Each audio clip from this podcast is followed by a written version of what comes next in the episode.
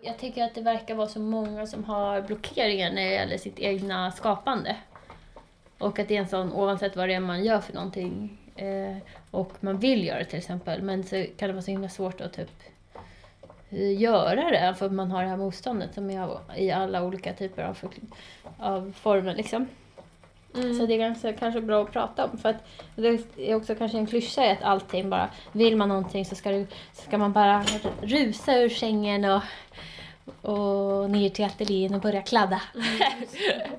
och det kanske försvårar liksom ens eh, process en, om man istället skulle bara kunna identifiera motståndet och typ, ja vad handlar det om och varför har jag det och hur känns det?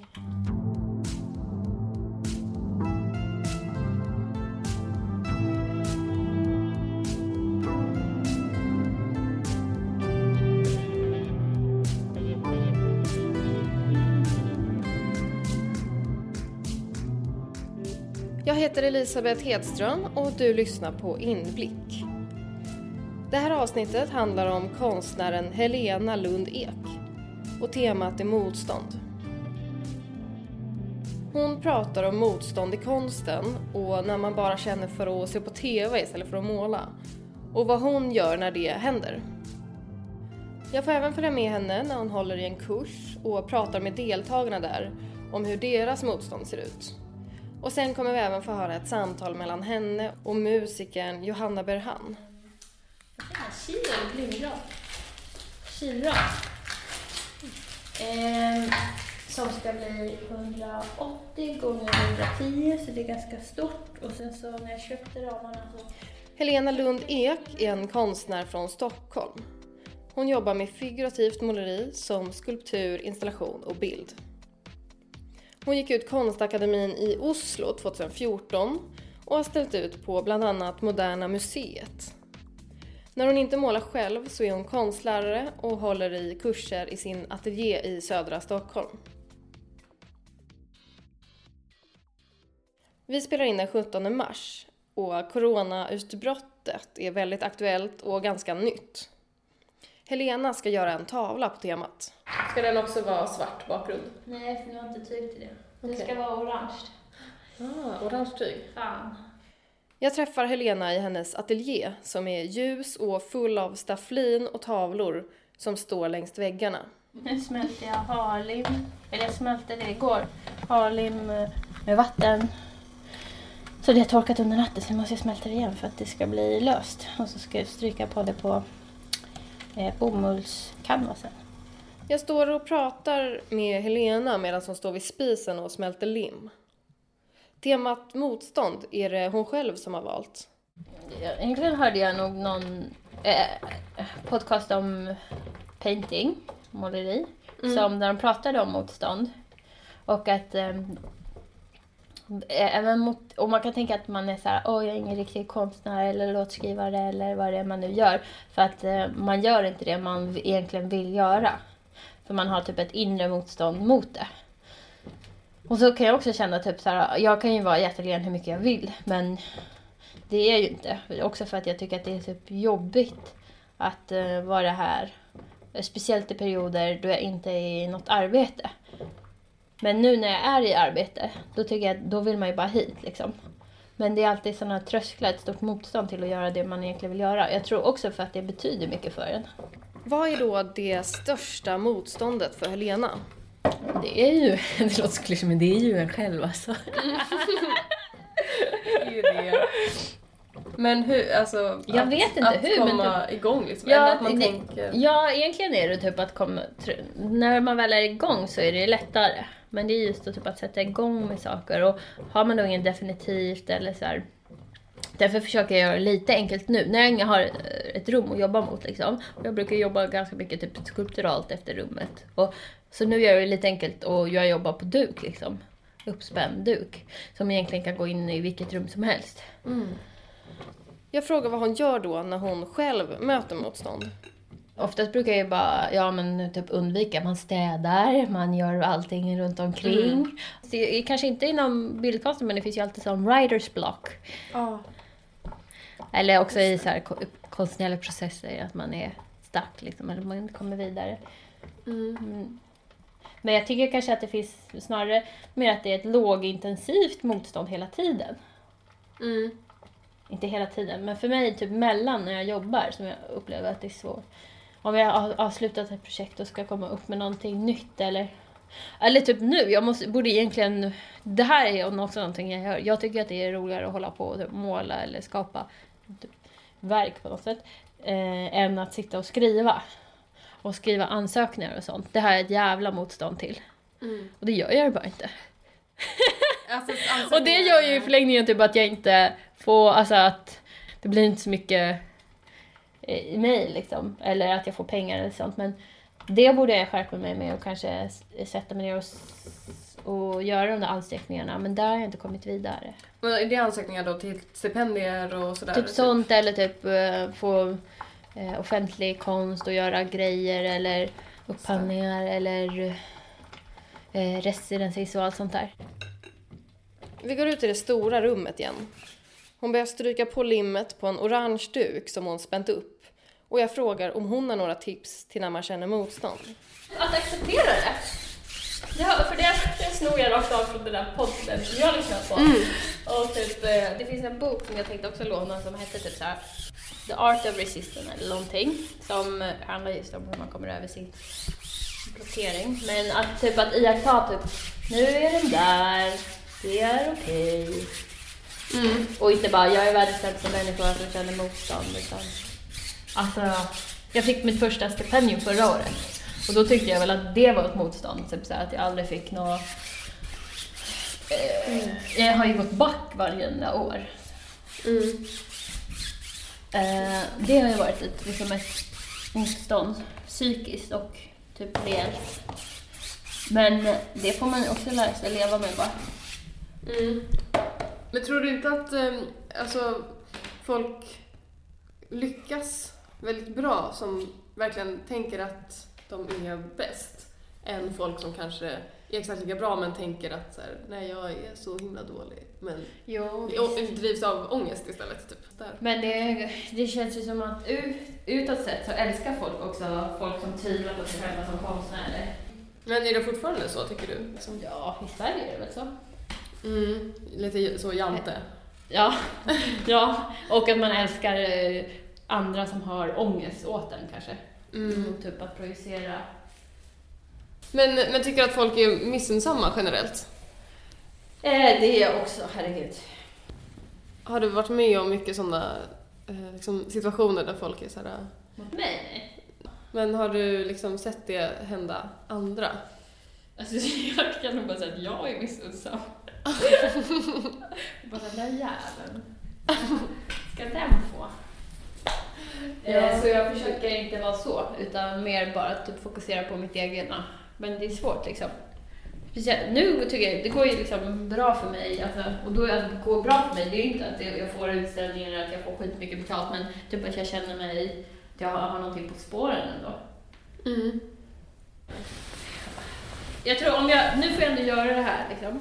Och om jag skulle ha ett annat jobb, då skulle jag kanske lättare bli bitter.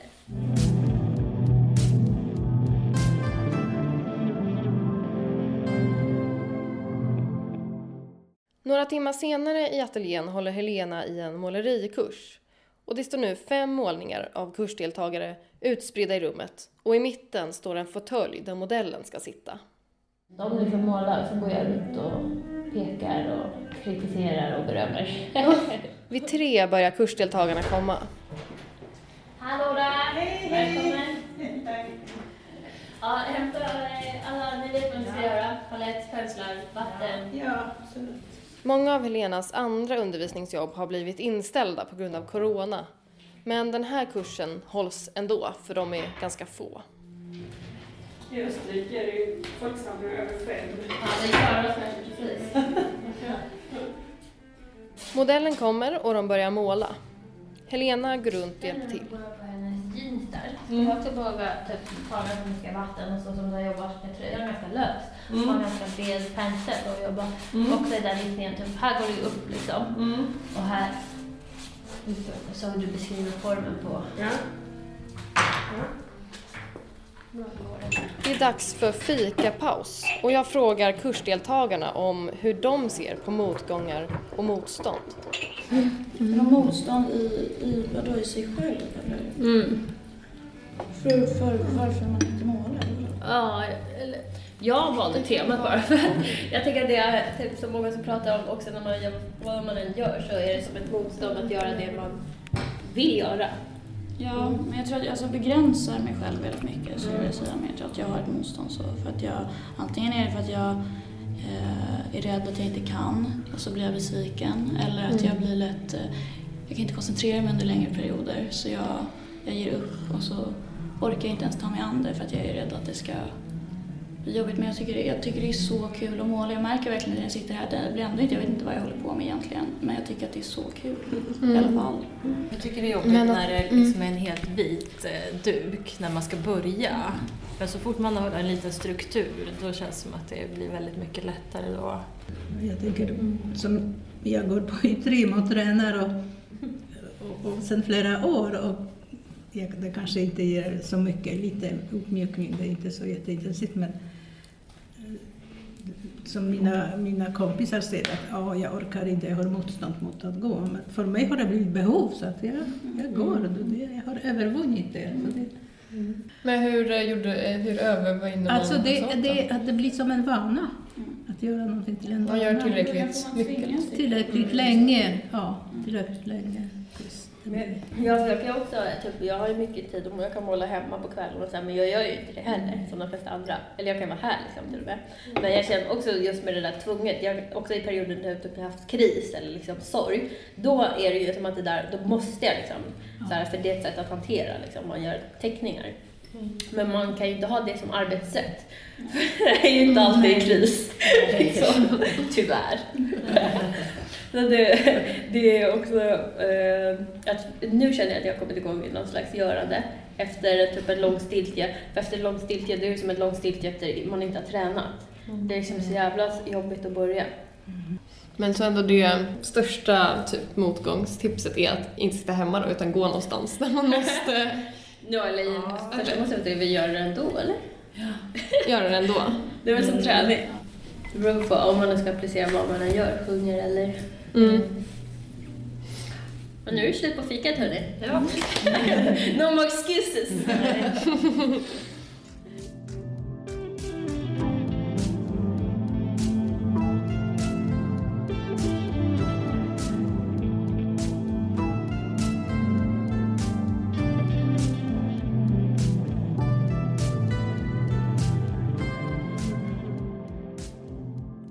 dag senare är vi tillbaka i ateljén.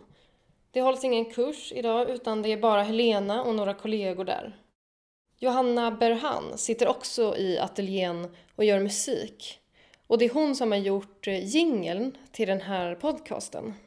Och hon och Helena har båda lyssnat på podden som Helena pratade om tidigare som heter The Savvy Painter. Och nu har de även läst boken The War of Art Break through the blocks and win your inner creative battles av Steven Pressfield. Jag kände ju speciellt igen någonting som jag läste nu. Mm. Så här, mm. What does resistance feel like? First, unhappiness. We feel like hell. A low grade misery persuades everything. We're bored, we're restless, we can't get no satisfaction.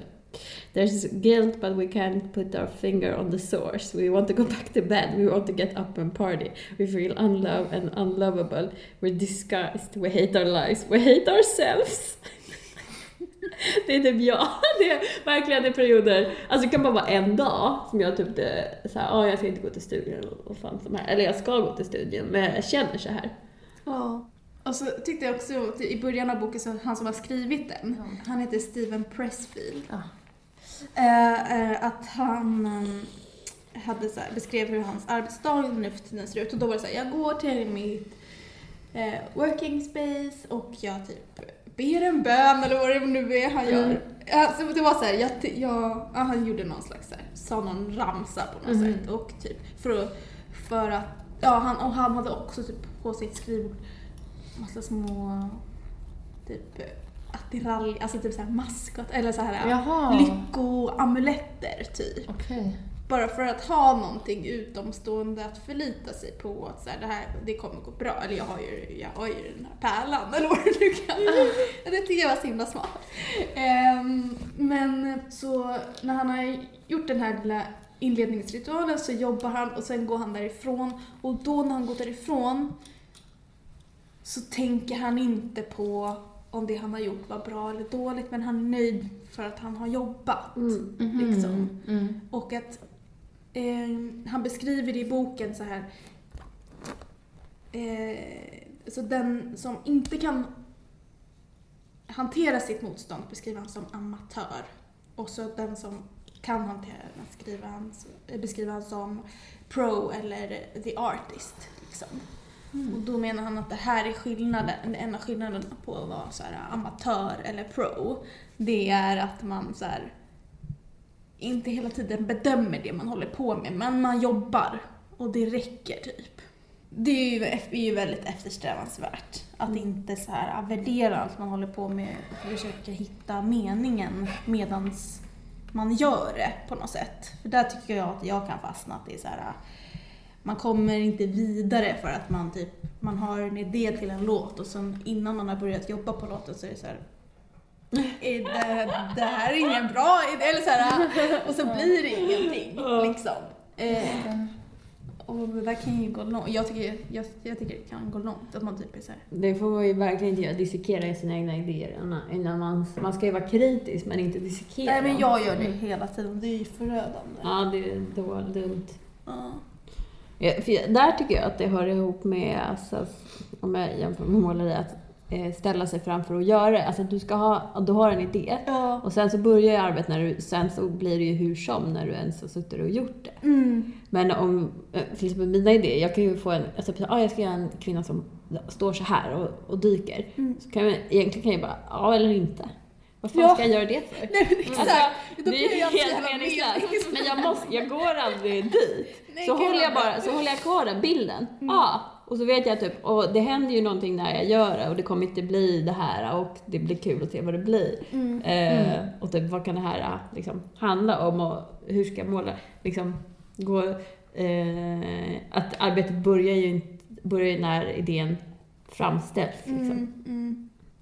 Och att då, men jag hade ju inte haft några målningar om jag hade trashat dem. Nej, nej precis. Men det är ju lätt, alltså om man har en, om man är lite självkritisk av naturen, då är det ju lätt att det inte blir någonting överhuvudtaget. Ja, men jag- det är ju Mm. jättemånga Ja. som har.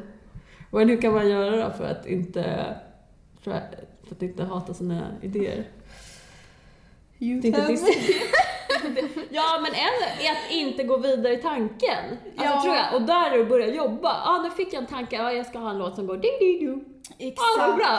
Och då går det och di-di-du. Och inte så här, nej men varför? Nej men exakt, och det tror Utan jag då också, för gå- det, get det, to work. Precis, och det benäm- benämnde han ju också när han pratade om att så här, inspiration egentligen liksom är någonting annat som kanaliseras genom en. Alltså, Mm. Då beskriver han det som änglar och, Mm. och, och ja, musor och sådär som eh, ja, som man på något sätt snappar upp. Och eh, att, att se det på det sättet gör ju också att man frikopplar sig själv från sin idé lite Mm. och inte behöver bedöma den så hårt. Men eh, alltså det här med att eh, man eh, bara ska göra grejer och sen inte bryr sig om att det blir eh, bra. Eh, är det någonting liksom att sen att man då under tiden när man bara gör och gör och gör saker, om man ska skriva till exempel, och sen bara nej men det här blir dåligt, att man bara fortsätter. Eh, Mm. Ja, inte ska värdera för då också lär man sig under tiden ju. Ja, precis. Eh, och då blir det väl bra till sist. Precis. Någonting i alla fall. Precis. Så eh, kvantitet. Typ. Ja, Är, är exakt. det det som... Finns det väl inga andra sätt att lära sig? Nej. Nej, kvantitet. Mm. Mm. Inte tänka för mycket på det man ska göra. Mm. Nej men exakt, och eh, han beskrev också typ att såhär, konstnären, alltså the pro, Mm. att den personen tänker, när den håller på med sin grej så tänker inte den på att den skapar ett konstverk utan den tänker på hantverket och detaljerna. Den personen tänker inte på att skapa konst. Mm. Och det tycker jag var, är ju också en väldigt bra, bra beskrivning. För det där tycker jag kan blockera en innan man sätter igång. Att där kan man ha liksom en bild framför sig att nu ska jag skapa något som är så himla många, jag vet inte, många lager eller jag vet inte. Att man kan ha så här jag ska skapa konst nu. och sen, men när man, när man, när man håller på, medan man jobbar med någonting, då tänker man ju på, ja, detaljerna. Och Och, typ färger eller? ja, men toner. Om man nu ska måla. Ja, toner tänker jag på. ja, och, men, men konst, det blir det ju för den utomstående som betraktar det färdiga arbetet. På något sätt. Det var en sån där eh, del som han småstrade och bara åh nej, där kanske det var jag. Men eh, det var när han typ beskrev att så här, personer som är okej, vad ska man säga, offer för sin motstånd ofta fyller sitt liv med drama. Just det. Och det kan jag se också på folk som går i skola, mm. speciellt konstskola. Då är det så himla vanligt att man skyller på typ institutionen eller att man ska hålla på och bråka där eller eh, att man är missnöjd och hit och dit. Och det har jag också, jag bara, men det är bara för att du inte vill jobba själv. Ja, Alltså man vet, det är inte medvetet. nej. Sen kan det ju vara något fel på institutionen, men att det ska ta över ens tankeverksamhet så mycket är också en flykt liksom. Mm.